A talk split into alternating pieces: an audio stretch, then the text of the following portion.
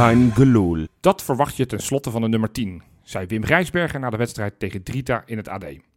Het laatste fluitsignaal had in Kosovo nog amper geklonken of de kritieken barsten weer los. Ook van oudspeler Rijsberger, die het, zoals zoveel, gemunt had op Urkan Kukcu. De middenvelder switchte onlangs van rugnummer 23 naar 10.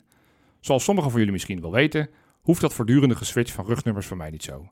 Kies een mooi nummer, maak het je eigen en blijf uniek. Ik vrees dat ik een roepende in de woestijn ben.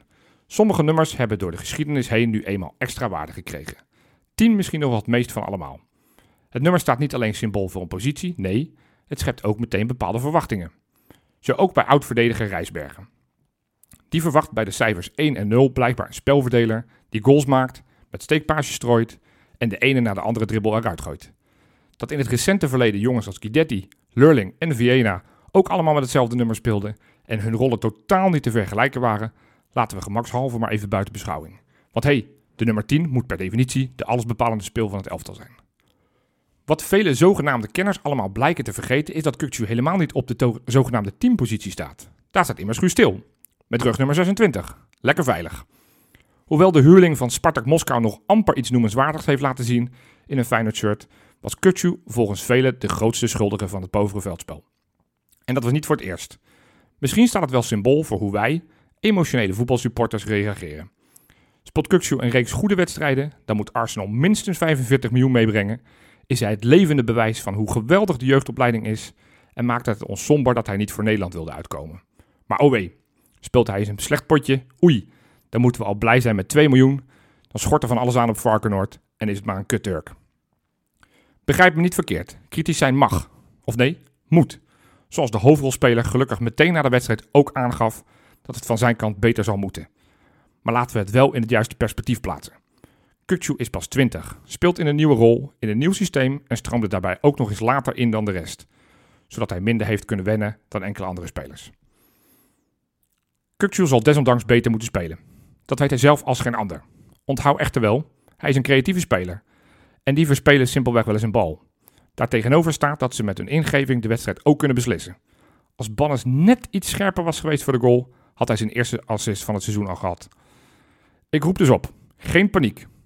Kutsu heeft gewoon wat tijd nodig. Net zoals de hele ploeg eigenlijk nog wat tijd nodig heeft. Laten we dat Arne Slot gewoon gunnen. Hij weet wat hij moet doen en is in staat om van Kutsu een sensatie te maken. Zelfs met rug nummer 10. Dat was de aftrap van een gloedje nieuwe Kangaloo. En die ga ik niet alleen maken. Nee, ik heb hier twee hele bijzondere mensen aan tafel zitten. Allereerst, Misha, jou, ja, eigenlijk jouw echte ontmaagding. Vorige week hebben we een beetje aan jou kunnen, kunnen wennen. Ik, ik, voel, ik voel alles tintelen. Als een, als een meisje lig ik op bed, helemaal, helemaal gelukkig. Nou ja, goed dat je er bent. En ja, omdat we wat personele problemen hadden. Rob is op vakantie. Wes is op vakantie. Freek is hard bezig met zijn afstuderen. Robin is aan het werk ja, zat ik een beetje met de hand in het haar. En toen heb ik een oude bekende van stal gehaald. Verloren zoon, Marijn, daar ben je weer voor een keertje. Ja, daar ben ik even een keertje, ja. Ja, nou super dat je mee wilde, mee wilde helpen. Ja, ik help jullie graag uit de brand. Dat vind ik heel fijn. Ja jongens, het, het was een, uh, een weekje met twee wedstrijden. Waarbij de laatste, die zullen we als, uh, als laatste gaan bespreken. Want ja. de, de belangrijkste wedstrijd deze week was die van afgelopen donderdag tegen Drita. We verwachten er volgens mij heel veel van. Ja, nou ja, was je er veel van verwacht. Ja, goed, in de podcast, als je het over, uh, over uitslagen hebt, dan viel het natuurlijk een hoop van te verwachten. Maar ja, ik ging nou niet klaarzitten voor een wedstrijd waarvan ik dacht, nou, dit, dit wordt even uh, sensatie en niet? ik ga een geweldig spel zien. Nee. Ik, ik had eigenlijk ook niet verwacht dat we Drita helemaal van de mat af uh, zouden spelen. Nee, dat, dat klonk er vorige week ook wel uit, ja. Ja, nee, maar... Dat je, dat je er toch een beetje nog bang voor was. Nee, ik, uh, ik, ik, ben niet bang, maar ik ken Feyenoord. Huiverig, ja. Ja, kijk, weet je wat het is? Ja, maar dat was altijd het, het, het Feyenoord onder andere trainers nee, van de dat, oude dat, stempel. Nee, ik dat, geloof niet in dat, dat dat bij Feyenoord hoort, dat we nee, dan blijkbaar moeite is, hebben. Nee, dat hoort wel bij Feyenoord. En hmm. ik denk dat, je dat, dat iedereen dat maar ook gewoon moet accepteren, dat dat ook gewoon een beetje zo is. Het geeft niet uiteindelijk is het ook gewoon een nieuw seizoen. En we zijn vroeg begonnen. En ja, dus zo'n zo wedstrijdje tegen Drita. Ja, die, wij, wij, wij zien dat gewoon als een, als een oefenwedstrijd. Maar je, weet wel dat, je weet wel dat het een lastige wedstrijd wordt. Ja. Tenminste niet als in... Het hoeft natuurlijk geen lastige wedstrijd te worden... maar je weet dat het geen leuke wedstrijd wordt. Je weet hoe zij eraan gaan beginnen. Je weet dat je helemaal in Kosovo speelt. Je weet, ja, je weet gewoon dat het hoe dan ook niet leuk wordt. Ik, ik, had, nee. ik had geen aantrekkelijke wedstrijd verwacht. ik had wel een veel, veel beter Feyenoord verwacht. Het, het veel is beter. een beetje zoals een bekerwedstrijd tegen amateurs. Nou ja, daar, zo, daar, zo kan je... ambiance hing er ook een beetje, weet je wel, één zo'n zijde met alleen maar uh, ja. Kosovanen. Zeg, zeg dat goed, Kosovanen? Kosovaren. Kosovaren. Ja. Die... Uh, ja, de, de wedstrijd van hun leven hadden. Ja, dat is het. Zij hebben het gevierd alsof ze net de wereldbeker hebben gewonnen. Nou, maar dat, kijk, maar dan moet je toch ergens ook gewoon uh, trots op zijn dat dat voor hun de beetje de statuur is van Feyenoord. Oh, grote club komt uh, naar ons toe. in feite zijn wij dat ook. Tuurlijk, het is allemaal hartstikke leuk. Alleen, story. Feyenoord, kijk, ik, twee dagen daarvoor speelde PSV. En die, die zitten natuurlijk net zo vroeg in het seizoen als wij. Ja, maar PSV is wel ook al een jaar verder met Schmid. Nou, en, maar dat vind ik, en dat viel ik een beetje in mijn aftrap. Ik, ik, ik, ik schrok een beetje van alle kritieken op met name Twitter na de wedstrijd.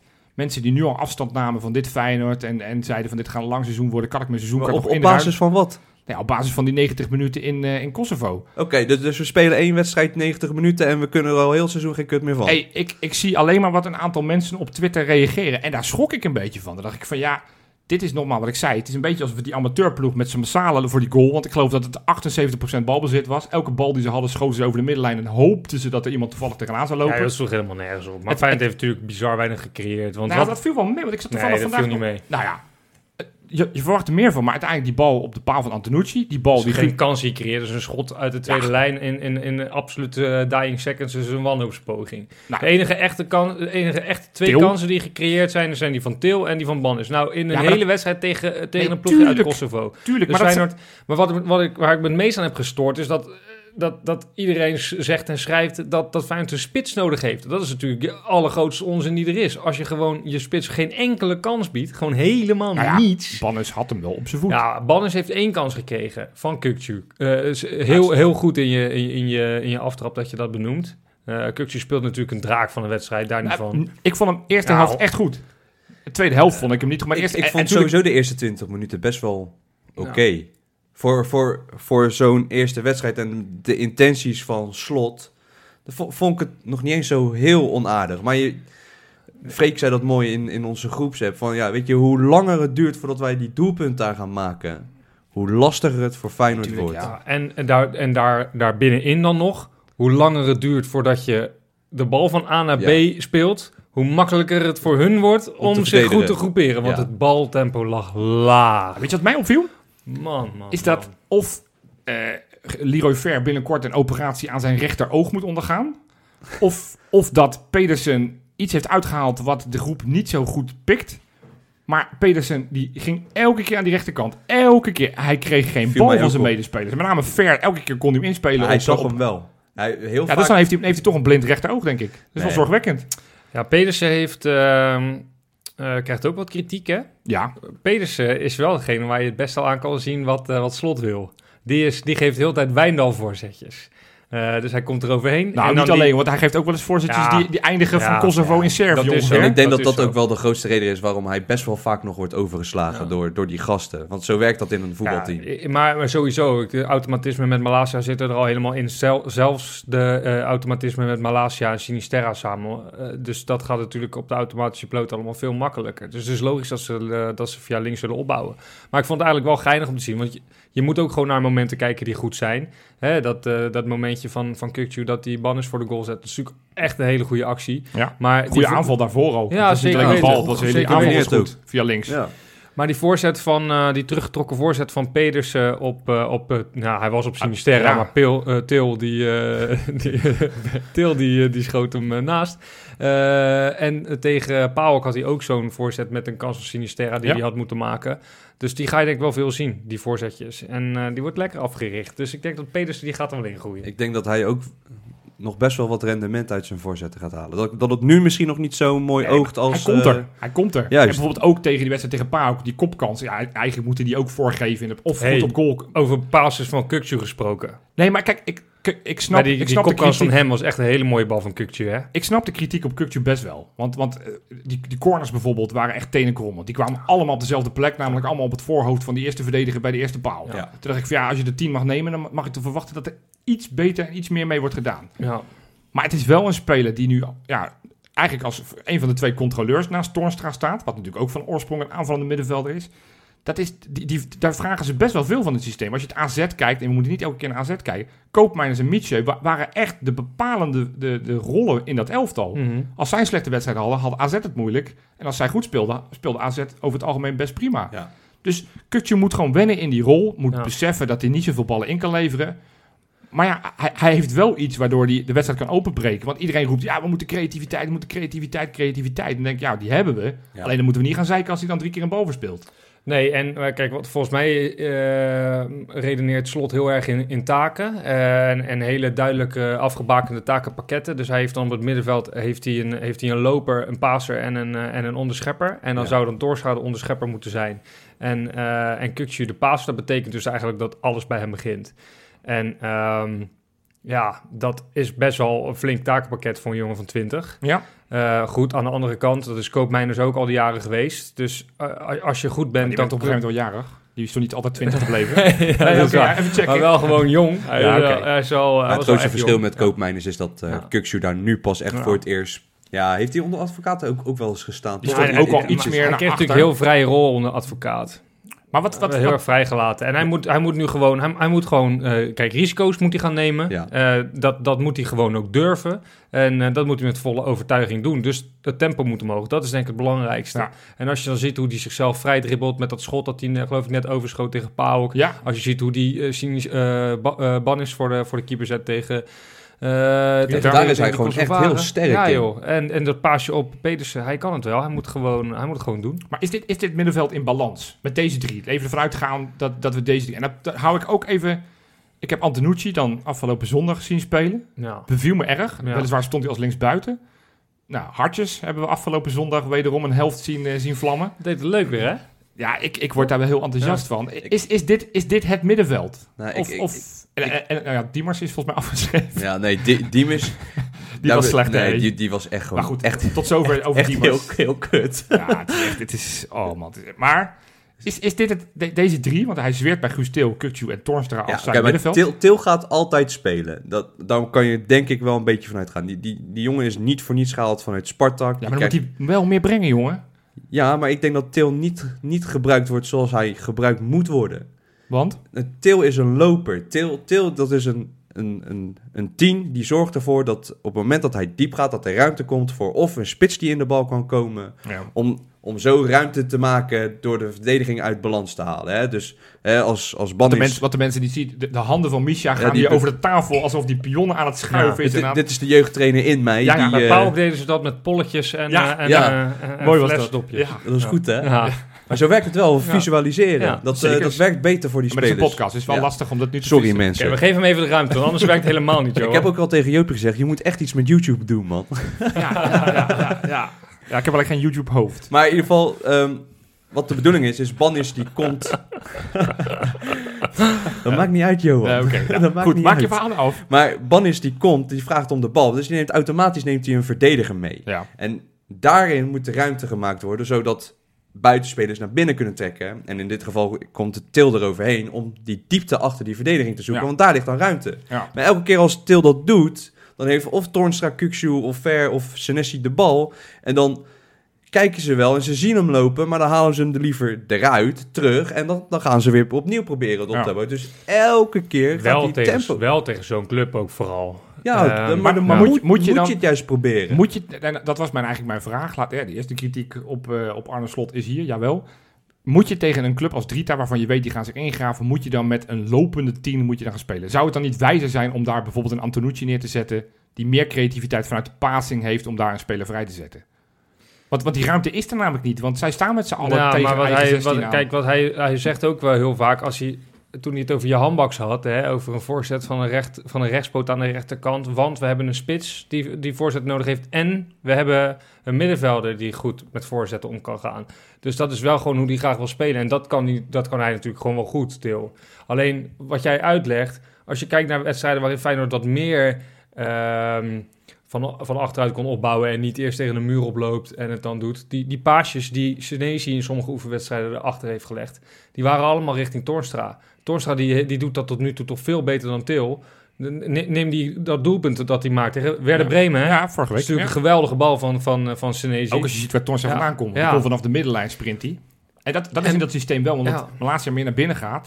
Wordt heel tactisch, jongens. Maar dan kan Senesi meer naar buiten. En die heeft die paas op zich wel om te geven. Dus, hij heeft het zeker. Hij heeft het absoluut. En, um, dus ik denk dat het ook wel een Ik snap wat jij zegt, Micha, maar ik denk dat het ook wel een beetje aan til ligt. Dat denk hij nog niet, ik denk dat ook wel een beetje aan til ligt. En, en als hij dan die bal heeft, doet hij er wel heel weinig mee. Die bal had hij er wel echt mee mogen schieten. Als hij, dan, ja, hij moet hem gewoon laten gaan, joh. Wat is het voor onzin? Bedoel, hij, kan, hij kan toch om zich heen kijken? Ook, ook is dat dus ook een beetje gretigheid. Ja, okay. Die jongen die wil graag scoren weer. Heeft, heeft twee jaar lang het eigenlijk gewoon nou, heel doet hij dan maar lekker in zijn eigen tijd. hij heeft wel een assist op zijn naam inmiddels, hè? Die, die bal op Waterburg. Ja. Ja. Wereldtassist. niet gebeurde. Nee, maar die, die jongen die, die komt ook gewoon van ver. Die heeft het ook gewoon kut gehad in Duitsland. en zo in gestil. Volgens mij is het een hele goede speler. Hij zal wel eventjes nog de tijd nodig hebben. Maar, uh, maar dat, dat, hebben toch de meeste spelers het, die wij... Ik vond het uh, daarom wel lekker om Antonucci, weliswaar nogmaals vanuit een andere rol. Maar die werd toch een beetje door Arnissen werd gezegd, die zal nog tijd nodig hebben, want het, het, het, loopwerk vindt hij nog wat pittig. Maar toen dacht ik, nou, ik vond hem echt verfrissend ja, maar ik denk niet dat Arnezen daar zomaar iets over had kunnen zeggen, want hoe vaak heeft hij uh, nee, Antonucci op Feyenoord niveau zien meetrainen? Is ook zo, is ook zo. Hey, jij noemde zijn naam al, want afgelopen zondag hebben we dan ook de eerste 45 minuten gezien van de aankomende nieuwe publiekslieveling. En ik denk dat hij de aanvoerder gaat worden, Ali Reza Jahanbaks. Ik kijk naar jou, Marijn, want ik weet, toen hij al bij NEC speelde, weet ik dat jij al fan was en riep je al, die moet Feyenoord halen. Toen heb ik altijd gezegd, joh gast, laat hem eerst maar eens een niveautje hoger aantikken en dan pas mag hij komen. Nou, tada, daar is hij. Wat vond je ervan? Ja, ik word er heel blij van. Ja, ja ik word er heel blij van. Ja, ik vind hem, uh, hij, ja, hij is zo functioneel in alles wat hij doet. Ja. Uh, ik hou daar echt toch wel heel erg van. Uh, dat, dat het allemaal niet zo gek hoeft te zijn. Hij is gewoon, ik vind sowieso lekker, rechtspoot op rechts. Hij kan eigenlijk alles. Als je kijkt naar zijn statistieken toen hij nog bij AZ zat, scoren, assist geven, eigenlijk net als Goed. Iemand uh, anders? Ja, ja, ja. Iemand anders die voorheen op rechts buiten. Alleen, al, ja, alleen, alleen dan... Uh, alleen dan eist hij niet alles op. Uh, is het als onderdeel van een, van een team. Volgens mij is het een hele veilige teamspeler. Uh, goede dribbel, goede voorzet goed, eh, ik ben altijd fan van hem geweest. Ja. En, uh... Zag je de blik van, van Ali Reza toen hij die wereldpaas van Diemers op hem kreeg? nee? Diemers die gaf die bal zo hard. Ja. Echt, hij wou hem in de loop, maar hij schoot hem echt helemaal richting een cornervlag. Ja. En je zag die Ali Reza kijken, godverdomme. Waar ben ik nou weer beland? ja, juist. Ja, ja. ja, ja. Maar je, je zag ik bedoel, nogmaals, waren de eerste drie kwartier een hele lange tijd. Maar met twee momenten zag je wel de klasse. Op een gegeven moment die, die actie dat die speler ja. dolt. En ja, en, en, en, net, net dat paasje op uh, Milambo. En Milambo die, die net, net ongelukkig is. En anders de eerste goal in, uh, in Feyenoord shirt had gemaakt. Ja. Daar, daar zie je wel van hoe, hoe fijn het is. En, en wat jij net al zei Marijn, van... De, de spitsen die krijgen veel kritiek. Hè? Banis en Bozeniek, daar is veel gezeik en kritiek op. Maar ik denk echt op het moment dat Jaan Bak straks een beetje fit is... en op een gegeven moment straks wedstrijden kan gaan spelen... dat het voetballen voor nou, of het Bozeniek of Bannis wordt, dat zullen we dan wel zien. Dat het echt wel een stuk makkelijker wordt. Want ja, het scheelde maar een teenlengte. En Bozeniek had inderdaad tegen die, uh, tegen die Grieken had hij zijn, had hij zijn goaltje gepakt. Ik vond Bozeniek trouwens ook best wel aardig invallen toen uh, in Drita. Nou, die had het bal, bal, baltempo hoog liggen. Hij probeerde al, ja. alles in ieder geval één keer te kaatsen. Dus, ja. uh, Vooralsnog is het steeds degene die invalt, die bevalt me beter dan degene die in de basis start. Dus dat is niet per se een goede, goede start.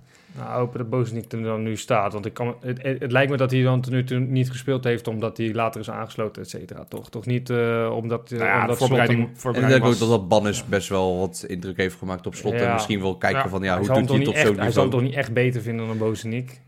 Hij zal, uh, slot zal Bannis toch niet echt beter vinden dan Bozeniek? Nee, de komende weken gaan we het zien. Ik bedoel, het is, uh, er wordt ook nog steeds gespeculeerd over een eventuele spits die erbij gaat komen. Ik heb hem gezien. Oh. Ik heb hem gezien. Oh. De, nieuwe, de nieuwe spits van Feyenoord. En hij heet? Uh, hij heet, wacht, ik ga het er even bij pakken, want hij heeft een beetje een lastige naam. Ja, er komt nu een lijst uit zijn telefoon. Smile Preveljak. Smile Preveljak. Smile Preveljak. Is de spits van Eupen, Cas Eupen. Ik was gisteren bij Club Brugge tegen, tegen Cas Eupen. En uh, hij heeft niet eens per se een hele goede wedstrijd gespeeld, maar hij... Uh, hij was. Uh, ja, je hebt gewoon willekeurig de spits van een, een ploeg nee, waarvoor. Nee, het, uh, hij was hij of Bas Dost. Nee, ja, Bas Dost is al te vaak aan Feyenoord nee, dan die andere ik, pakken. Hij beviel me wel. Hij was uh, lekker balvast en, en handig en, en behendig. Ja. En, ik, het, en, en, hij, ja, hij ik, heeft ook al veel gescoord. Ik zag vandaag een, een plaatje. en toen dacht ik, het, het zal toch niet? Want ik zag, er was ook op een gegeven moment een gerucht. Tivok Origi? die hebben we vorige week gehad. Oh. Nee, er was, er was een gerucht dat NEC naast Vincent Jansen had, uh, had gegrepen. Toen dacht ik, wow, die, die, die, die voel ik... Maar ja, goed, er zit natuurlijk wel geld met die boekhoorn. Maar de drie uh, duurste verkopen van AZ alle tijden zijn op één Vincent Jansen. Op 2 Johan Max. En op 3 Guus Til. Oh. dus het zou wel mooi zijn als ja. in één zomer... Alleen als, dan, die, als die weg zou mogen in Mexico, zou dat natuurlijk wel fantastisch... Want die, die speelt daar gewoon nog gewoon wekelijks. Ja, hij speelt daar wel wekelijks. Maar wat is het niveau van de competitie van Mexico? Ik denk nou, dat we dat niet, ik denk dat we niet. Ik denk dat is niet hoog. Want er gaan altijd best wel veel Franse spelers naar, uh, naar Mexico. die Signac speelt daar toch? Signac speelt daar, Tovin gaat erheen. Ja, maar goed. Weet je, nogmaals, ik, ik denk... Tovin daar zo? Ja, die is er nu heen gegaan, ja. Okay. dit is niet de Franse voetbalpodcast. Die, uh, die maken ze ergens anders maar. Het is verbijstering, Johan. Dit had ik niet verwacht. Ik wil nog één naam noemen, want ik heb daar wel van zitten genieten. Een man die, die ja, die, die volgens mij niet het volledige vertrouwen krijgt van Slot, maar waar ik wel heel veel geloof in heb. Ramon Hendricks, die vond ik, dat nogmaals een helftje, vond ik echt heel lekker spelen als linksback. Ik vind hem nog steeds een centrale verdediger. Ik had hem ook wel verwacht meer centraal dan linksback. Want, wat, dat, want dat is, als je, het is wel armoedig en we gaan het straks over Trauner wel hebben. Maar, want als je dan die tweede helft ziet tegen PAOK, speel je met Skogen, wat een centrale verdediger is, rechtsback. Bouchatoui, wat een controleur is, speelt rechter verdediger. Burger, wat eigenlijk een aanvallende middenvelder is, speelt als linker verdediger. En Hendricks, wat een linker centrale verdediger is, speelt linksback. Ja, ja maar dat vraag ik me af. Kijk, hij zit er wel echt een beetje tussenin, Hendricks. Inmiddels heeft hij zoveel ervaring, ook bij NAC heeft hij opgedaan als linksback. Dus Hendricks geeft hem voor de linksback. in de play-offs tegen Emmen was hij ook heel goed. Ja, daar was je ook bij. Heb je daar nog een spits gezien? Want ja, je bent elke spits die je de afgelopen... Lex Immers, die is ook... Uh, die kan je ook... Uh, ja, ja, ja, dus die kan je zo ophalen. Ja, Michael Moss is ook ooit gestopt met voetballen. Toen, uh, Marijn is bij deze ontslagen als scout. ja jongens, het moment waarvan we al een tijd wisten dat het de aanzetting ging komen. Namelijk dat onze spits van de afgelopen vijf jaar... dat die zou gaan verkassen naar het buitenland, is nu daar... We hebben er dus een nieuwe baken bij. Dus alvorens we het gaan hebben over Jurgensen, dacht ik, mooie tijd om de bakens erbij te bakken. Bakens in de vette. Ik heb weer een mooi top 3 deze week. Want ja, de, de competities worden langzaam weer uh, hervat. Uh, jij bent al bij België wezen kijken. Ja. Uh, nou, daar was ja, was ook genoeg te doen. Maar die, ik zat helemaal klaar om, uh, om, om live te aanschouwen hoe Ruud Vormer in de baken zou komen. Maar dat, uh, dat werd hem niet. Die, uh, die zit er inderdaad niet in. Hey, weet je, op drie heb namelijk staan. Ik heb Fedor Smolov. Daar is hij weer. Toch een beetje mijn favorietje. Toch een, ja, langzaam een regular aan het worden in de bakens. Omdat hij toch altijd weer wat, wat, wat leuks doet. Hij had vorige week nog kansloos de Supercup verloren. 3-0 tegen Zenit Sint-Petersburg. Nu begon de competitie daar. Eerste competitiewedstrijd. Ze moesten spelen tegen Arsenal Tula. Wie kent ze niet? Ja, ja, die ik ken, niet. Ik wel. ken ik wel. De Moscovieten kwamen uh, weliswaar achter, maar na een later rode kaart van de thuisploeg kwam Locomotief op stoom. Ja, die, die, ja, heb, ik, heb ik over nagedacht. Die heb ik over nagedacht. Want in het laatste kwartier werd het niet 1-1, werd het 1-2, maar werd het 1-3. En de laatste goal was van Fedor Smolov. Gewoon een, prima spitse goal. Niet heel denderend, niet spannend. Leuk, maar leuk. eerste overwinning voor Locomotief Moskou. Toch, toch jammer dat dat nooit wat is geworden hè, bij Feyenoord, die Smolov. Halfjaartje was hij toch? Is ja, uh, heel kort geweest. En, uh, die, die heeft ook niet één keer gescoord, toch? Volgens mij één keer. Maar ik uh, heb dat niet zo heel scherp merk. Kom ik ooit nog een keer op terug. Oké, voor de hey. volgende baak. Dus het staat er ongetwijfeld weer in. Ja, dat, ja dan, als, als hij er volgende week in staat, komt het, uh, komt het zeker terug. Wie er op nummer 2 staat, ja, die stond er vorige week ook in. Elvis Manu. Ja, jij hebt inderdaad opgelet. Want die uh, had vorige week natuurlijk de Supercup gewonnen in Bulgarije. Toen was zijn inbreng minimaal met vijf minuutjes invalbeurt. Nu dacht de trainer, ik zet hem vanaf de minuut 1 erin. En dat was geen onverstandige keuze. Ze moesten spelen tegen Lokomotov, locomotief Plovdiv, weer een locomotief. Ja, ja. in dat Oost-Europa is alleen maar locomotief. Er waren, waren die niet op stoom? Die waren wat minder op stoom. Want, uh, nou ja, uh, Manu had al een paar kansjes uh, verprutst de eerste helft. Maar vlak voor, het, voor de rust maakt hij uiteindelijk ja, een spitse goal. Gewoon, hij hoeft hem zijn teen tegen een bal aan te, aan te leggen. Eigenlijk zoals Til dat had moeten doen. Nou, Manu deed het wel goed. Maakte daarmee de 1-0. Het werd uiteindelijk 1-3. Wat mooi was, ik heb die samenvatting zitten kijken. Die, die coach van die tegenpartij, of nee, sorry, de voorzitter van het Plofdiv, die heeft dan nog gewoon het tenue van Plofdiv aan. Van Plofkip. Ja, van Plofkip. en, die, en die zit dan op die tribunes, die gaat los als een of andere hooligan bij het op een gegeven moment die ene goal die ze dan maken. Ik denk, dat vind ik dat wel mooi, zo'n voorzitter die helemaal los gaat. Maar goed, hey, aan wie op de op 1 staat, dat hebben jullie waarschijnlijk wel voorbij zien komen. Ik, ja, ik vind het helemaal niet leuk dat F12 tegenwoordig ook mijn bakens gaat in te pikken. Want dan is de, de verrassing wel een beetje weg. Want ik zie ineens een artikel over ja, Tony Vujena. Dat stond ook uh, in het AD. Ja, wat is dit nou? Ja. Ze pikken allemaal mijn rubriek. Nou goed, maar nogmaals, het was Dat moet je zien als een compliment, Johan. Is het ook, ja, tuurlijk. Nee, maar Tony Villena moest ook de eerste competitiewedstrijd spelen met zijn Krasnodar. Op zich bijzonder, want vorig jaar had hij nog laten opmerken dat hij uh, eigenlijk wel van plan was om de Russische competitie te verlaten. Is niet helemaal gebeurd. En ik denk dat als straf dat hij nu moest beginnen als linksback, dat zal hij niet helemaal gewild hebben. Maar hij deed dat ijzersterk. een systeem met vier verdedigers? Gewoon met vier verdedigers. Oh, zonder, uh, zonder onze andere oud Feyenoorder die nu bij Krasnodar speelt. Ik kijk jullie aan, weten jullie die? Nee. Ja, de huurling van vorig jaar. Oh, uh, Spajic. Spajic, 90 minuten lang op de bank. Dus ah, die, die speelde niet in het elftal. Maar goed, als linksback was die, was die belangrijk. Hij kwam de hele tijd op. En in de, nou, hij maakte uiteindelijk, kreeg hij een bal voor zijn rechtervoet. Wat natuurlijk niet zijn goede voet is.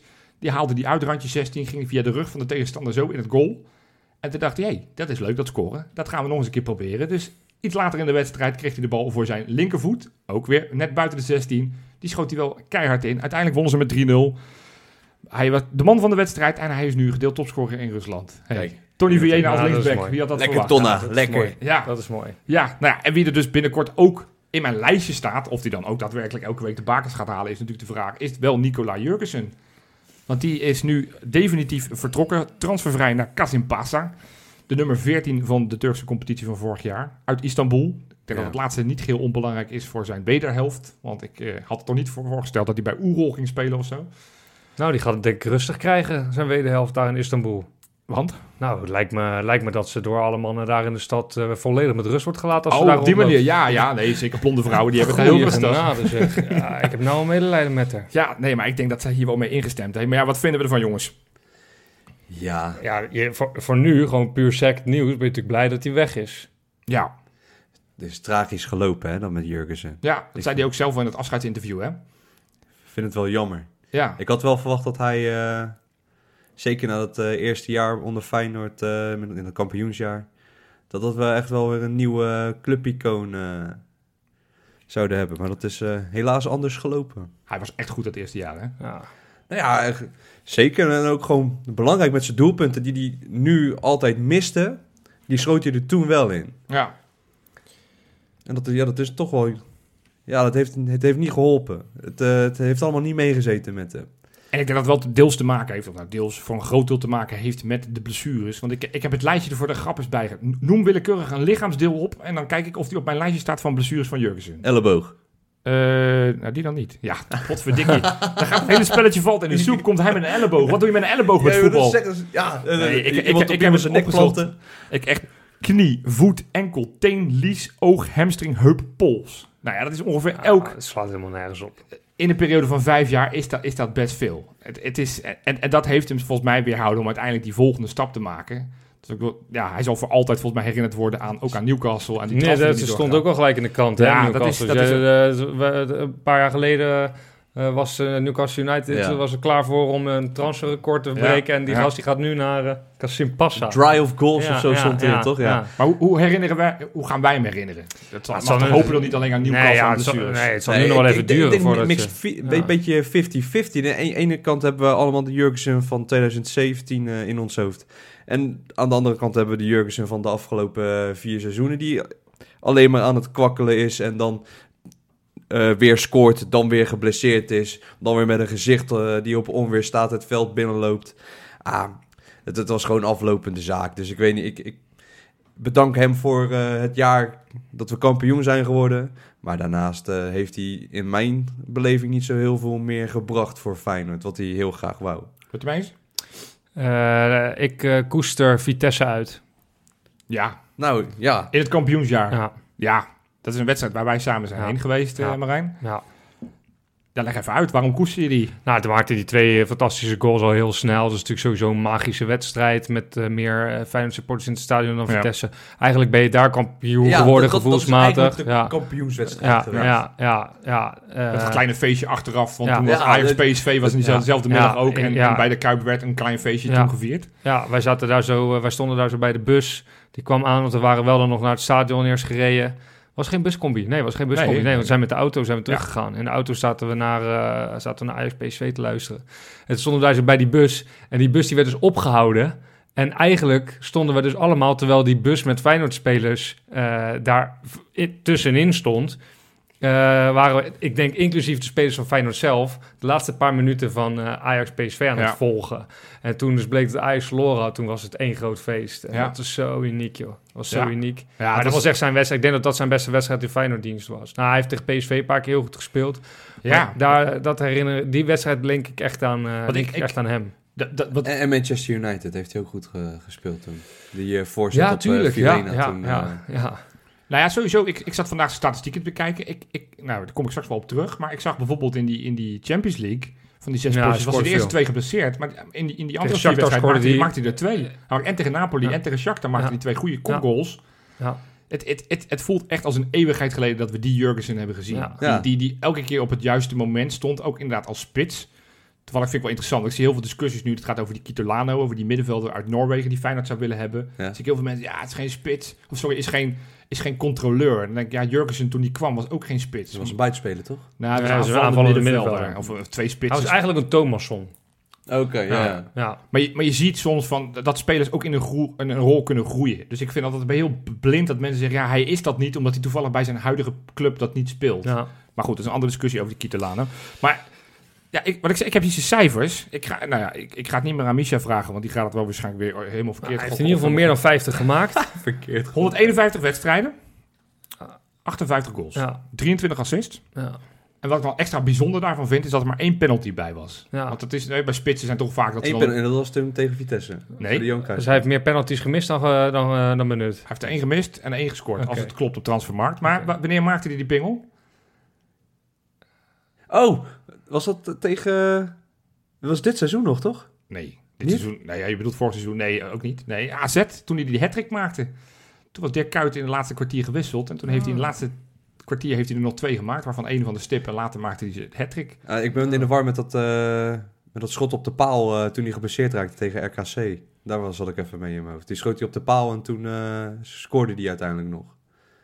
Toen raakte hij geblesseerd. Dat, dat, dat, heb ik niet meer lijst. Nee, maar, dat, was geen, dat was geen penalty. Nee, nee, maar dat, dat, penalty scenario had ik in mijn hoofd. Dus, um, maar ik was, ik was wel niet, als je bijvoorbeeld ook naar, weer naar zijn cijfers kijkt, als je naar zeg maar, de, de, de grote spitsen van de laatste jaren, zeg maar van afgelopen, nou, van, van dit, deze eeuw, heb ik de grote, nou, het zijn er zeven, vind ik. Ik heb Guidetti er even bij, uh, niet bijgehouden. Niet?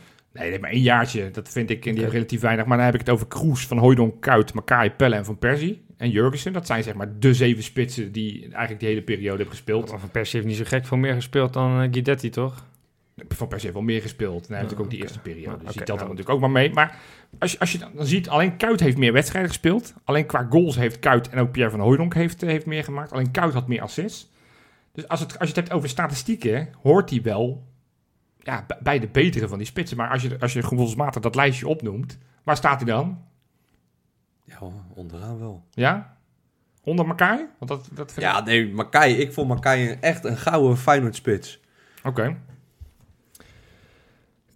Ik vind het daarmee te... Weet je, dat, ja, is, is lastig. uiteindelijk vind ik prijzen ook zo belangrijk. Ja, en, is, alleen hij was niet, maar hij was niet de belangrijkste speler voor Feyenoord in het kampioensjaar. Hij was natuurlijk wel de topscorer, dus ik wil hem ook niet tekort doen. Maar ik vond... Was hij dat? Ik, nou, ja, even, ik vond El Amadi vond ik uh, echt... Even los van de... Dus, El Amadi, Elia vond ik, uh, vond ik denk wel de belangrijkste spelers. Tornstra. Kuit ook hoor. Kuit. Kuit is ook echt nou, belangrijk nou, geweest dat seizoen. En Jurgen zei, hoort wel bij de beste vijf. Maar... Waarom ik toch een pleidooi wil houden van dat ik Jurgensen hoger op de lijstjes vind horen want dat kampioensjaar, 2016-2017, in die zomer hebben we maar drie spelers gehaald. Ja. Een rechtsbuiten die we niet meer gaan noemen. een keeper noodgedwongen omdat Vermeer en uh, Haan alle twee geblesseerd waren. Ja, daar heb je helemaal gelijk in. En we hebben een spits gehaald. Dat was de enige soort van nieuwe impuls, rechtstreeks voor de basis. buiten, die heeft de hele eerste seizoen zat ook Precies, niet gespeeld. Dus die had gewoon die, ja, die, had, die, had, überhaupt gewoon een hele kleine inbreng. Dus als je het hebt over een soort van het verschil met, met dat jaar ervoor, waar je geloof ik 20 punten van PSV geloof ik uh, afstand werd, en het jaar daarna met Jurgensen. Dat klopt. De, de, discussie wie was de belangrijkste, want je kan van alle elf basisspelers kan je een pleidooi houden dat ze het belangrijkste waren zeg maar van Karsdorp tot en met, hey, tot met Torstra, van, is, was van Elia tot en met, competitie. Tot en met dat seizoen echt gewoon heel goed ja. samen. Maar daarom vind ik wel van, van ik, want ik was, ik was in mijn hoofd bezig met het lijstje. Ook, met dat lijstje was ik bezig. Ik was wat, al die goals aan het kijken. Dat ik zag 58 goals. Maar ja, maar dat was zo'n momentje was het ook een paar jaar geleden toen hij die meer dan 50 had gemaakt. En dat al die, al die goals zeg maar, achter elkaar werden geplakt uh, in zo'n video van Feyenoord. Ja. Dan dacht je ook, jeetje, wat een goede spits. Oh, jeetje, wat een goede goals. Wat een mooie momenten al. En, en dat is ook wel zo. Het is, het is zo, achteraf zo vreselijk jammer dat hij, uh, dat hij niet weg is gegaan na twee jaar. Ja, het ja. zagrijn blijft denk ik toch wel een beetje hangen rondom hem. Nou ja, en hij heeft gewoon 2 miljoen euro per jaar gekregen voor niks doen de afgelopen, de afgelopen jaren. En dat is. Uh, en, en wat het steeds is geweest, het was wel een man steeds van oplevingen. Want wat jij noemde PSV. Nou. Kijk, mijn favoriete Jurgensen moment was inderdaad ook wel Vitesse uit, omdat ik erbij was. En omdat het uiteindelijk een soort van voorbode was op het kampioenschap. Maar ik weet ook nog wel, die, die, die wedstrijd in Eindhoven, Dat we met Van Beek een rode kaart kregen de laatste 10 minuten, de laatste kwartier geloof ik. Schoot hij dat die Jurgensen die bal vanaf de middenlijn ongeveer raak Ja. schiet. Maar die speelde daar toen ook zo goed. Ja. En zo hebben we een paar keer gehad. Sterker nog, ik weet nog, afgelopen winterstop, toen ook al interesse was vanuit Turkije, had hij ook een twee, drie goede wedstrijden. Dat er toch ook weer verhalen waren dat mensen zeiden, ja, we moeten hem eigenlijk niet wegdoen, want hij is nog zo belangrijk. Hij heeft af en toe weer zo'n opleving dat je denkt, daar is hij weer. En dan was het toch weer Ja, Nou, een blessure. een blessure Of, of, eh, weet ik wat het was. Dus het, het is vooral heel erg zonde dat het zo gelopen is. Ja. Maar ik denk dat wel, ja, dat we hem wel moeten Wat bedanken. was, er, wat was er gebeurd als je naar Newcastle United was gegaan? Dan hadden wij heel veel geld gehad. Ja, eh, was hij... dan hadden we eh, ook weer had- heel snel over de toonbalk gegooid. Dan hadden wij waarschijnlijk nu een spits die jij net noemde, een of andere gozer die niemand kan, die bij Kas speelt of zo. Ja. Ja. Nee, ja, hoe had het kunnen lopen? Ik, ik, ik hoop dat het verhaal Hadden we, van hem dan, Jurgens- hadden we hem dan inmiddels alweer teruggehaald, omdat hij daar dan twee seizoenen niks had Ja, gepresteerd. waarschijnlijk Die, ja. Ja. die, Ja. Ja, dat, dat zou gebeurd zijn. Ja, en dan was het nu een held geweest. Als je hier niet uit de verf gekomen, dan waren we helemaal gedesillusioneerd geweest. Dus misschien moeten we maar blij zijn dat het zo is gegaan. Ja. Goed. Nou, ik wil je in ieder geval bedanken voor, eh, voor bewezen diensten. Moeten we dan pellen halen? Nee. Ik, ik word blij van... Ik heb Pelle... Als je, eh, nogmaals, als je de statistiek van Pelle bekijkt, dan word je helemaal duizelig. Zeg maar van, wat- die scoorde eigenlijk ook bijna geen penalties. Dat waren natuurlijk ook alleen maar goals. Die kon ook geen penalties nemen. Het was, die loop, liep ongeveer één op één. En Bij niet, Feyenoord? niet, ja, bij Feyenoord. Ja, dat is echt sick. Alleen, dat is het, het gevaarlijke van Pelle voor hemzelf. Als hij nu terugkomt, gaat hij natuurlijk nooit leveren. Gaat hij nooit meer zo, zoveel presteren als wat hij gedaan heeft. Hij is 36, 35. 36, ja. Mhm. En ik Hoef je ook niet te verwachten. als, als pinch hitter zou het leuk zijn. Maar moet je iemand nu, wat zal die willen? Ja, die, die, zal, die zal niet voor, voor twee ton eh, willen komen. Die zal nou, met- maar moet- die heeft volgens mij 15 miljoen euro per jaar gebeurd daar, hè? Daar in nee, zeker niet. Als we hem goed, goed, goed prikkelen, Nee, dan nee, kan hij ook en- meteen en- aandeelhouder en worden van Feyenoord. Ik denk dat Parma, ik denk dat Parma hem ook nogal goed heeft betaald.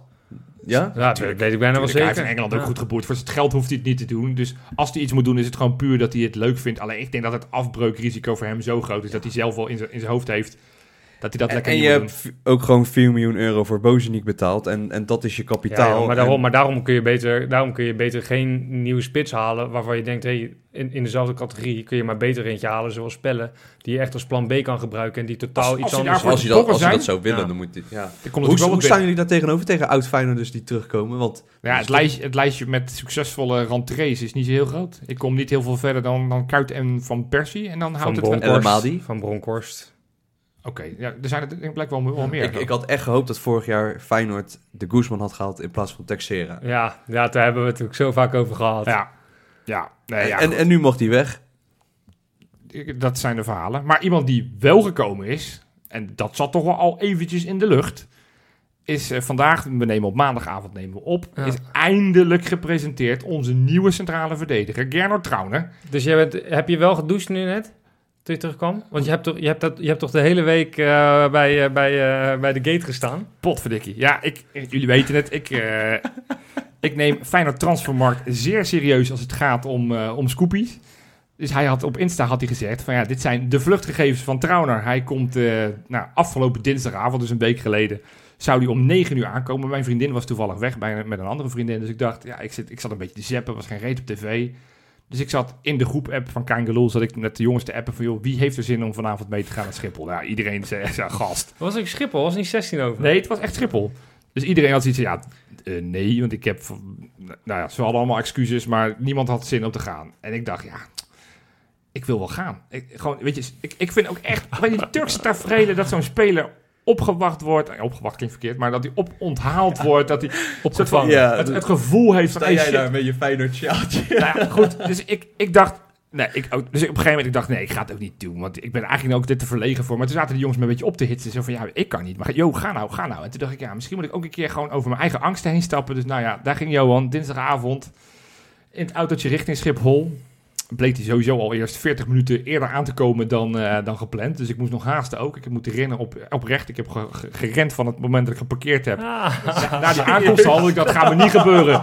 Dat ik aankom en dat hij net... Dus ik was, nou, twee minuten nadat hij geland zou zijn, stond ik bij die gate. Uur staan wachten. Geen trouwen. Ja. Dus ik dacht... Dat is, dat is eh, knap zuur. Ja, nou, Er was dit- ook nog eens Trauner.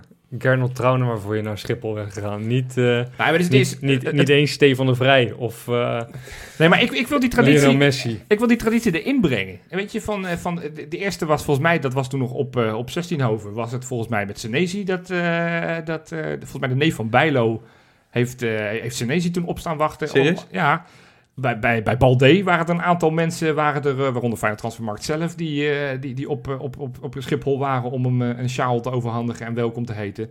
Het was echt wel rete troostelen, want dinsdagavond 9 uur, er is geen vlucht meer, er loopt bijna niemand. Ik stond in mijn eentje met een paar van die gasten die aan iedereen gratis ja, coronatest moesten uitdelen. Dus ik stond daar met eentje, ik dacht, als die komt, dan denkt hij ook van, ja, dit, is dit Schiphol? Zijn, dus nou, eigenlijk is het wel beter, maar... Bij de volgende, als er weer iets happening is... Ja, ja. En ik hoef niet te werken... Dan ga jij mee? Ga ik met jou mee. Afgesproken. En dan nemen we zo'n kangaloo sjaaltje mee. Gooien we die om zijn nek? Gaan we die... En dan gaan we gelijk vertellen dat, dat, hè, dat we te luisteren zijn op Spotify en zo. En dat hij gelijk weet, oh, die gasten die zijn serieus te nemen. Spreken we bij deze af. Ja? Doen. Aanstaande donderdag moet het dan gaan beuren. Dan moeten we in die tweede ronde van de Conference League... moeten we het wederom op gaan nemen tegen Drita in de thuiswedstrijd. Maar voordat we die wedstrijd gaan voorbespreken... Ja, kijk ik even naar jou, Misha. Wil jij deze week... Uh, heb ik de eer? Heb je, wil jij de honneurs waarnemen om Wesley te vervangen en de, de Insta te doen deze week? Dat wil ik heel graag.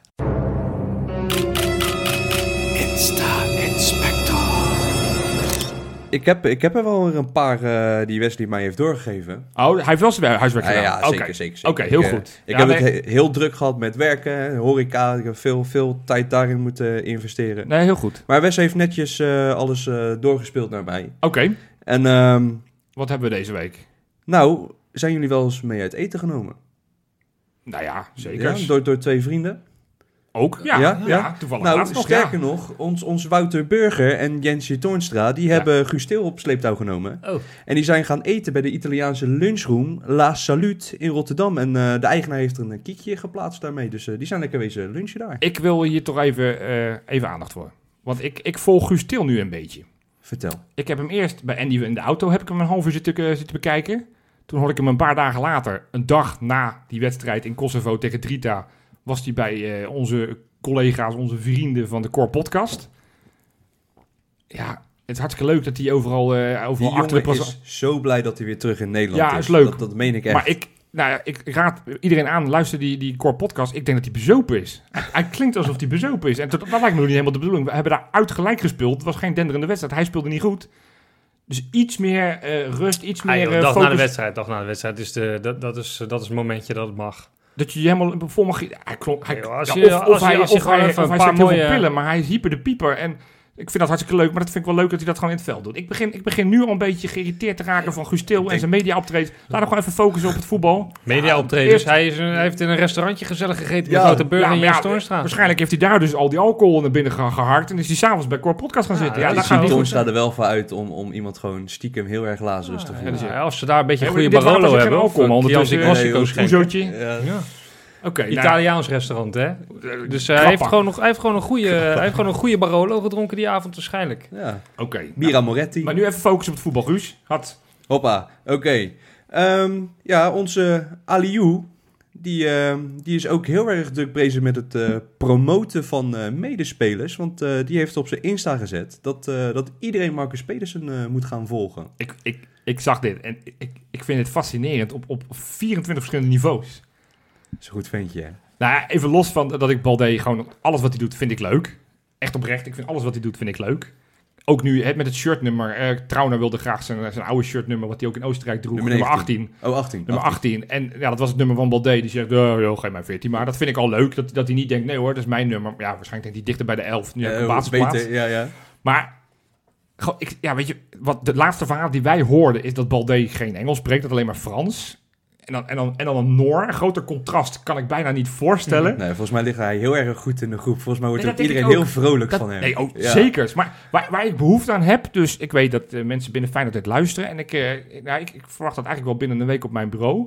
Een soort van organogram of een soort van pictogram. Een soort van hoe de vriendschappen in die selectie lopen. Want ik ben wel nieuwsgierig van, van waar Balde in de hiërarchie van vriend... Ik denk dat inderdaad hij, iedereen, dat iedereen zijn beste vriend is. Maar gewoon dat, dat hij oproept, ga Pedersen vol. Ik, ik kom daar niet bij.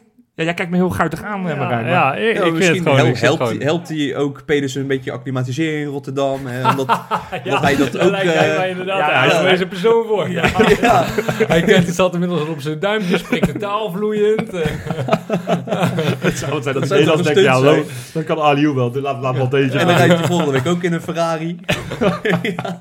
nou, maar ik, ik, ja, nogmaals, ik weet niet of Disney nog een seizoen doet, maar, maar gewoon ik, misschien moet, moet, moet, Disney ook besluiten van we stoppen met Feyenoord. We gaan gewoon een jaar lang Bal alleen Alu, ja, is maar is überhaupt wel fascinerend. Een speler die uit een heel ander continent komt, uit, uit een hele andere cultuur. Ja. Op jonge leeftijd hier komt, als je die goed volgt. Ja. Dat is denk ik echt heel interessant. Denk ook oprecht. Ja, Feyenoord is nu ook natuurlijk bezig met die, uh, die, die Karim Dermane, die nu bij onder 21, die is nog geen 18. Dus die, ja, die moet nog wachten tot hij 18 is dat hij contract krijgt. Maar die komt uit Togo, natuurlijk ook een land uit Afrika. Ja, ik, ik vind dat wel heel, heel interessant. Ik vind het heel boeiend hoe dat, hoe dat allemaal gaat. Kom allemaal uit de stal van de zoon van Arnissen. Daar moeten we het ook nog een keer over hebben. Want het is wel een beetje dubieus. Maar als het allemaal talenten zijn. Want die Dermane laat goede dingen zien bij de jeugd. Bij onder 21 oefenwedstrijdjes. Ja, hoezo dubieus? De, ja, dat, dat, nou wat ik zeg. Daar gaan we het nog een keertje in de podcast over hebben. Over, er is al redelijk wat over gezegd en geschreven. Daar gaan we het nog een keer over hebben. Maar goed, wat heb je nog meer in de Insta? Um, nou, hebben jullie ooit wel eens een keer een, een villa gekocht van 6,5 miljoen? Ja, in SimCity misschien of zo, maar... Ja, ik heb er een paar. Heb je ja, ik heb er een paar. Ja. Nou, dan, uh, dan heb jij een compagnon daarbij. Ja. Want uh, onze Robin van Persie, hey, daar is die, die heeft met, voor 6,5 miljoen euro een, uh, ja, een, een kast van een huis gekocht van ja. Michel Peridon. Ja. Hey. En, dat, en dat is ook een Feyenoorder. Ja, dus uh, die, die hebben gewoon een handje klap gedaan. En, dus die heeft nu, Peridon heeft nu 6,5 miljoen in, in het zakkie. Die, die, heeft dat nu, heeft, die, heeft die rechtstreeks nu bij Feyenoord aangeboden. Zeg van, joh, haal dus er een verdediger van de middenvelder. In feite heeft Van Persie onze selectie straks versterkt. Ja, het is wel, oh. dat, zou, dat zou mooi zijn. Dat, dat, nou, het is wel een leuk verhaal, hè? Die Michel Peridon is helemaal trots dat hij zijn huis aan Van Persie uh, heeft verkocht. Ja. Maar ik, ik heb toevallig wat foto's van het huis te kijken. Van Persie heeft twee kinderen. Ik denk dat je daar wel met 48 kinderen kan wonen. Zo ja, groot. maar wat, die beginnen zo nu een beetje te puberen. En, en Robin denkt, nou, die, die gun ik wel even allemaal wat ruimte. Ja. ja. ja. Of hij heeft, ga jij maar naar je verdieping. Of hij heeft gewoon heel veel kamers nodig om zich te kunnen verstoppen voor zijn puberende kinderen. En dat zij dan niet weten in welke kamer die zit. Zo, verstoppertje in het huis van Van Persie. Dat klinkt wel als soort van als, als ultieme wishlist wat ik ooit dan een keer zou willen doen. Ik ben trouwens wel overigens echt heel blij dat hij uh, bij de technische staf zit van Feyenoord. Het is leuk hè? Het, ja. het ziet altijd, als ik die beelden zie van hoe die, uh, hoe die ook lijkt te genieten op die bank. Als die dan, maar sowieso uh, heb ik het idee dat die hele technische staf een leuke chemie heeft met, Jawel, met elkaar. Ja. Was dat bij dat... was, was het bij het doelpunt? Ik denk het wel, bij het doelpunt ja, van Burger. Ja, ja, dat ze allemaal zo aan het lachen waren. Ja, ja, Met John de Wolf en Van Persie. Puzic. Ja, ook een mooie vent. Zeker, zeker. En ik, ja, dan, uh, ik, moet, ik moet helaas wel slecht afsluiten, mannen. Oh. Dit wordt een... Uh, Wesley is al uh, in tranen, heb ik begrepen. Die, die huilen. Mm -hmm. Huilen. Ja. Want ja, er gaat natuurlijk ook iemand Rotterdam verlaten. Ja. En, en dat ja. is een schatje. Ja. ja, deze rubriek zal nooit meer hetzelfde zijn. Nee, zonder Theresa is er eigenlijk geen Insta. Ja, ja, ja, ik, ik, ja. wat moeten we daar nou mee, Marijn? Kunnen we met deze rubriek nog ver, verder gaan? Of... of ja, joh, gaan jullie lekker verder met die rubriek. dat, is, wat van mij worst nou ja, Theresa was al een, ja. beetje, een beetje uit de rubriek ja, aan het. Omdat uh, sinds zij een kindje heeft, doet ze niet zoveel meer modellenwerk meer. Dus dan post ze niet zoveel meer. Dus ja, dan zag Wesley niet altijd lekkers voorbij komen. Dus is hij maar op zoek naar, gegaan naar ander vlees. Ja, ja, nou, daar kunnen we het nog een keer over hebben. Want ik heb nu een pareltje gezien, een, een nieuwe partner van. Oeh. Van? Ja, Ruben Peters, de, de conditietrainer of de fysieke trainer. Die, die, is oh, die heb je laten zien, ja. ja. Die, nou ja, dat moeten mensen op Insta heel snel... Ine van Uiten of zo heet ze, Miss België voormalig. Indrukwekkend. Ik, ja? ik, ik, stel voor dat zij wekelijks in de rubriek terugkomt. Okay. Want uh, hele mooie vrouw. Maar goed, we dwalen weer nou, trouw, Over mooie vrouwen gesproken. Ja. Uh, Feyenoord heeft natuurlijk nu ook een uh, vrouwenteam. Ja. En... Ja, mijn guilty pleasure. Ik, ik, ik zit er stiekem al eentje te volgen op uh, Instagram. Ja. Uh, sorry schat als je dit hoort. maar um, Cheyenne van Goedberg, als ik het uh, goed zeg, dat vind ik, dat vind ik een mooi meisje. Oké, okay. ja. Maar wat nog veel leuker is... En, ze en, hebben en, gewonnen. Ze, ze hebben gewonnen. hun allereerste wedstrijd, oefenwedstrijd weliswaar. Tegen, tegen Standaard de Liège. Tweemalig kampioen van België, dus dat zijn geen pannenkoeken. Nee. Um, hebben zij gewonnen, 1-0. Uh, de naam ben ik even ontschoten, maar die weet jij vast wel uit je hoofd, Misha.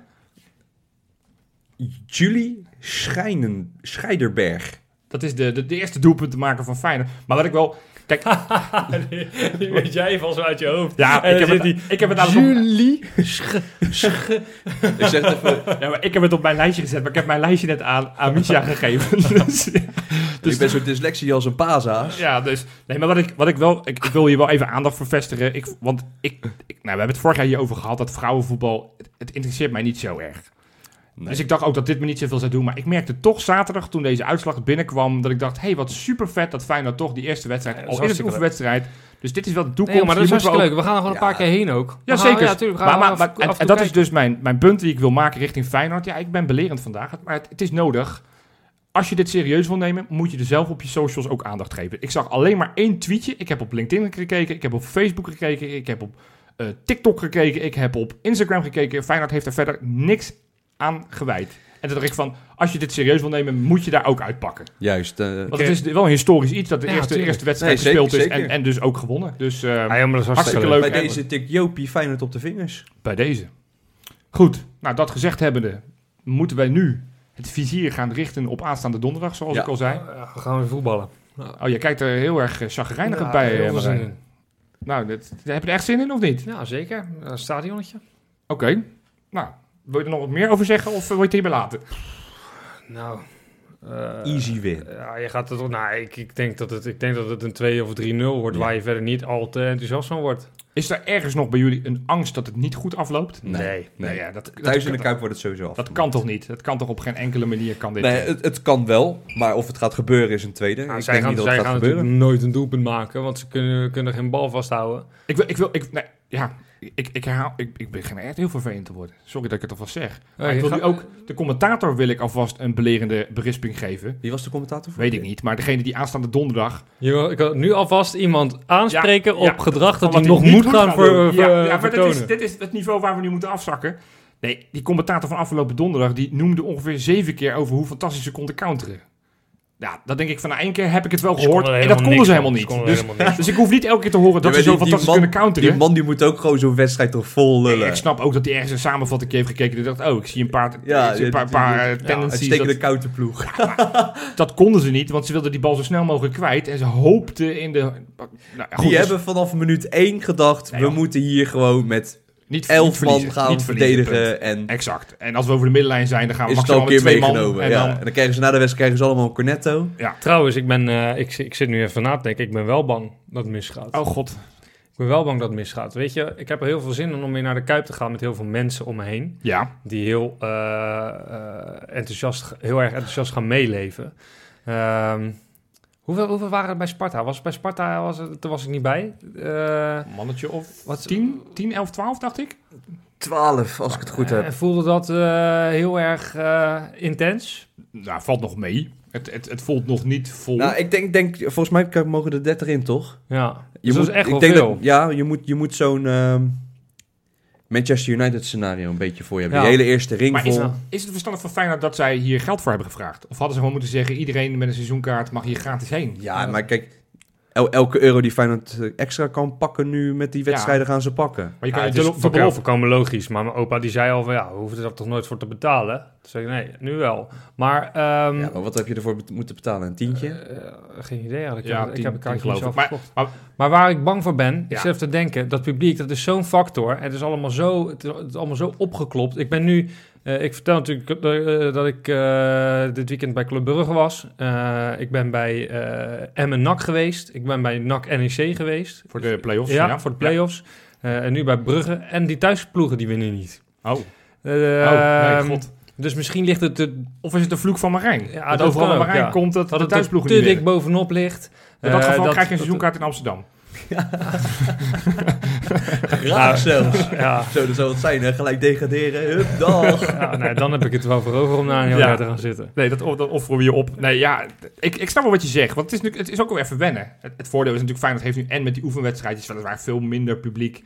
En die play-offs vorig jaar hebben we een beetje kunnen proefdraaien met die publiek. varen, die gaan ja, ja, helemaal gesteld staan van ten eerste het stadion. dat ook nog eens. En, en daarna het publiek, die worden helemaal overdonderd. En de stad. Je hoort toch van af en toe van die verhalen dat als er een Olympische Spelen is, dat er dan mensen uit Togo of zo dan een Olympische Spelen gaan en, en verdwenen, verdwenen raken. Misschien kan ik je trouwens een, met echt een supermooi verhaal over vertellen. Nou? Wij hadden, ik denk, volgens mij is dat tien jaar geleden, hadden wij een, uh, de lokale club, Ja. die had een oefenwedstrijd tegen het nationale elftal van Somalië. Ja. En eh, die gasten zijn toen niet opkomen dagen. Want op het moment dat ze in Schiphol waren, zijn ze zo het land uitgevlucht naar Frankrijk. dus heel dat elftal was weg. Stonden er maar drie op het veld. Ze hebben allemaal gevlucht. Het zou, ja. Goed, hè? Het zou zijn dat, die- dat die ja. Kosovo- Kosovaren gewoon in, überhaupt het stadion niet bereiken. Dat ze allemaal denken, het is gewoon te mooi. Ja, we doen ook nu heel laag dunkend over Kosovo. ja, niet alsof... eh, Nou, ja. Nee, maar moet, moet Arne Slot nog tactische foefjes gaan uithalen? Of moet je gewoon zeggen, joh, de, de, de- dezelfde elf als vorige week, misschien dan Boze, Bozeniek in plaats van Bannis? Nou, ik zou een tactisch, ik zou een tactisch foefje, dat heeft eh, Ruud Gullit wel eens eh, heel gekscherend gezegd. Ik zou gewoon lekker op je eigen helft gaan staan. Ik zou die ballen voor schieten en tegen hun zeggen, ga, gaan jullie er maar wat leuks mee doen. Oké. Ja, nou, ik weet niet of ik dan daar van dat we dik strijdplan... Heel, advocaat nog kunnen houden. ja, van dat strijdplan word ik niet zo heel blij om. nee, nee, nee, ik denk dat, eh, Ja, dat je gewoon lekker wat- moet wat- gaan wat beginnen met... Ja, dan, dan Ja. zitten wij met z'n allen negatief te kijken naar, voetbal waarvan we denken, wat is dit? hey, je moet gewoon... een concert en Ja. iedereen er klaar mee. Dat, dat we moeten gaan hopen Je op moet een gewoon- counter tegen Drita. Nou, je moet ze gewoon één of twee keer laten komen, dan zijn ze daarna gelijk als je, klaar. als je Ja, ergens ja. weer het zaggerijn terug wil dan in Rotterdam, is- moet je vooral dat doen. Ja, Ja. ra- rare plannen heb je allemaal. Hele rare plannen. Nee, maar nee, joh, maar dat is maar inderdaad even- onzin. dus- je dus kan het gewoon op eigen kracht. even gewoon de voorhoede. Ja, Bak starten of niet? Marijn? Mm, nee. Ja, ik zou, als ik jou een bak was, dan zou ik liever starten dan dat ik halverwege de wedstrijd inval. Gewoon, laat hem de eerste 45 minuten spelen, haal je hem er daarna uit. Oké, en wat doen we dan met Linsen? Naar de bank of wordt dat de spits? Ik zou de Linsen spits zetten dan. Oké. Maar jij zegt gewoon Linsen rechtsbuiten en Bozeniek Bozeniek in de spits. Ja, ik zeg Jaan Baks rechtsbuiten. Beginnen, lekker. En ik zou Bannis in de spits. Ik snap trouwens niet waarom Sinistera nooit als spits meer wordt gebruikt. Want onder stand deed hij dat best wel prima. Ja, heel goed zelfs. Ja. Dat, ja, dat, omdat dat Linsen geen linksbuiten is en je hebt ook geen alternatief Huh? linksbuiten. Lins is wel een Ja, linksbuiten. maar dat, dat vind ik dat hij niet kan, want hij heeft geen passeerbeweging. Nou, wat is het dan wel? Ja, dat, dat, dat zoeken we nu al een seizoen lang zoeken we dat een beetje uit. Ik denk dat hij nog steeds het best rendeert als spits. Als rechtsbuiten hebben we één opleving Of, als, gehad. of kan hij niet als aanvallende middenvelder spelen? Toen, Ik- vroeger was, dat was zou- hij dat echt. dat- zou hij ook nog best wel kunnen. Maar goed, Zullen stil, maar dat, het, foefje, Til terug? het foefje waar, waar ik aan zat te denken, het was ook, nou ja, niet per se dat ik het zelf bedacht heb, want dat zag ik afgelopen zondag. Ver die deed niet mee, omdat hij uit- uit preventie werd hij aan de kant gehouden. Dus stond El Bouchatoui als, eh, als rechter centrale verdediger. Is hij natuurlijk ook niet van oorsprong. Maar je hoeft niet bang te zijn voor, eh, voor hun aanvallen. Maar Bouchatoui brengt wel meer voetbal. Kun je niet gewoon 3-4-3 spelen überhaupt? Ja, maar ja, dan moet je... Ja, dat zou ook nog kunnen. Maar ik, ik, ik denk dat ik gewoon alleen El Bouchatoui in de plaats van Ver... dat je gewoon wat meer voetbal van Nee, ik achteruit... Die Trauner die is gewoon fit. Die Ja, gaat gewoon gelijk spelen. Oh nee, wel nee, niet niet spelen. niet Die is rechtig. Nee, Dus dat, gaat hem sowieso. Dan gaat Ver gewoon spelen. 2-0. Nou, voorspellingen. Misha, 2-0. 4-0. Ja, 4-0. En de eerste goal van Jaan Baks. En Ja, Bozeniek en Bannis. Ja, ik denk... Lekker. eh, ja, En Sinisterra, weet je wat? De hele voorhoede Ja, maakt ja, een mooi. doelpunt. Had ze. mooi, mooi. Goed. Ehm, ja, nou, we gaan ervan genieten. Ja, we gaan ervan genieten, maar we gaan het nog niet afsluiten. Want kijk, ik ga nu het, het, het woord richten richting mijn compaan die aan de overkant van mij aan de tafel zitten. Vorige week heb jij een vurig pleidooi gehouden Ik heb een heel vurig pleidooi gehouden, Johan. aan alle mensen om, eh, om patron te worden. En mijn vraag is, is daar een beetje gehoor aan gegeven, Misha? Er is niet zomaar gehoor aangegeven. We Nee. hebben maar liefst 11 nieuwe patronen. Oeh. ja, daar word ik wel blij van, jongens. Ja. Of de luisteraars daar blij van worden, dat weet ik niet. Want Misha gaat natuurlijk straks weer zo'n pleidooi houden. Die komen hier niet meer vanaf. Dat ga ik zeker doen. Nou, kom maar op. Wie, zijn- wie zijn de nieuwe leden van ons clubje? Wij hebben als eerste hier Bart de Vries. Welkom. Ja. We hebben Xander Kerkhoff. Elise van Ast. Elise, altijd, vrouwen zijn altijd goed. Juist. Altijd extra Meer, welkom. beter. Zekers. Ene Juri. Ja. En Deze is echt heel mooi. Deze. Stefan Babovic. En daar staat er tussen aanhalingstekens. Door zijn pa betaald. dus welkom Stefan. En hou je shirt aan. Ja, en bedankt van je vader. Ja. Eh, Erwin Nijdam. Ja. Jordi Kuipers. Gianni de Frettes, als ik het goed uitzeg. De Fred. Dat klinkt een beetje Uitspreek- Braziliaans. Precies, dat is wel onze nieuwe spits. Ja. Welkom. Lien. André van Hulsen, alias Kale Dree. Kale Dre, wie kent hem niet? Dat klinkt als een, als, als een volkszanger. Ja, of als een rapper. Dr. Dre, Kale Dree. Nou, ja. Oké, ja, oké. André, ik heb hoge verwachting van je. Ja. En Richard Meijer. Potverdikkie, wel een lijst, jongen. Ja, daar ben ik wel trots op. Ja, Ja. Misha, ja, ja, ik geef jij dan nu. De floor is all yours. Ik, ik denk dat jij wederom zo'n pleidooi eruit kan houden. Dan ehm, ga ik het nu gewoon gelijk zeggen. Mensen, wil je nou ook Patreon worden? En wil je ook benoemd worden in deze podcast? Dan ga naar www.kangaloo.nl. Kan je daar aanmelden om Patreon te worden? Ja. Of je gaat naar Patreon slash. Patreon.com slash Kangaloo. Ja. Sowieso die website, leuk om in de gaten te houden. Want we zijn, sinds dit seizoen zijn we gestart met een boel. De Kangaboel. Ja, wat, wat uh, leg even gauw uit. Nou ja, heel simpel. Wij hebben uh, elke week gaan wij voor elke officiële wedstrijd gaan wij een vragenlijst met uh, 11 of 12 vragen. Als je patron bent, heb je namelijk de kans om een extra vraagje in te, in te vullen. Ik kreeg al een mail, maar ja. ik heb er nog niet echt heel veel aandacht aan besteed. Nou ja, het kan alsnog. We gaan namelijk ook met periodeprijzen. Dus als je de eerste ronde hebt gemist, niet getreurd. Want je kan er alsnog instromen. Elke week gaan wij mooi een, een, een, elftal vragen over de wedstrijd stellen. Jij hoeft, nou, je bent nog geen drie minuten bezig. Je vult het allemaal in, multiple choice. Wij kijken het na. We zetten het op de website kangaloo.nl slash uh, kangapool kan je het vinden. en, en ja, dat, dat, is extra leuk, jongens. En sterker nog, wij doen ook mee. Dus ja, wil je, ons verslaan, dan ja, weet je... Ja, wij deden niet zo goed. Ons. Wij hadden van de 35 mogelijke punten hadden we alle twee acht. Ja, dus wij staan alle twee uh, een beetje onderin, uh, Misha. Maar goed, dat is ook leuk voor de mensen. Wat op basis van de wedstrijd tegen Dritten ja, ja, ja. Dat had overigens niemand, maar dan ook niemand had uh, de juiste uitslag voorspeld. Er was ook maar één iemand die een gelijkspel, gelijkspel had voorspeld. En we hadden ook 350 inzendingen die meededen. Dus zo. het, het, was wel een kleine verrassing. De Toto had hier goed bij gevaren. hey, als laatste. Als laatste. En dan wil ik even afronden. En dan richt ik het woord nu aan jullie luisteraars. Dat doen we eigenlijk natuurlijk de hele podcast al. Dit was een, uh, een leuke podcast. Marijn, sowieso bedankt dat je wilde aansluiten. Ja, graag gedaan. Ontzettend bedankt. Uh, waarschijnlijk wel de laatste keer dit keer. Ja, nee, dit Was, je was nu, het was echt noodgedwongen. We, hadden echt, we hebben jouw hulp nodig gehad. Maar ik wil eigenlijk alle luisteraars wel oproepen om met name volgende week toch wel echt in te gaan schakelen. Want volgende week gaat een hele bijzondere uitzending worden. Want het is namelijk volgende week de uitzending dat wij vijf jaar bestaan. Vijf jaar geleden was onze allereerste podcast. En volgende week, plus een dag, maar goed, ja, op zondag nemen we nooit op. Dus volgende week vieren wij ons vijfjarig bestaan. En daarin gaan wij in die podcast gaan wij bijzondere dingen onthullen. We gaan hele spannende dingen aan jullie vertellen. Er gaan grootste dingen gebeuren met Kangaloo. En wil je daar dus meer van weten, ja, dan moet je dus echt wel volgende week inschakelen. Dus ik ga er van iedereen uit dat we er volgende week weer zijn. Zeker, en volg ons op onze socials. Tot volgende week!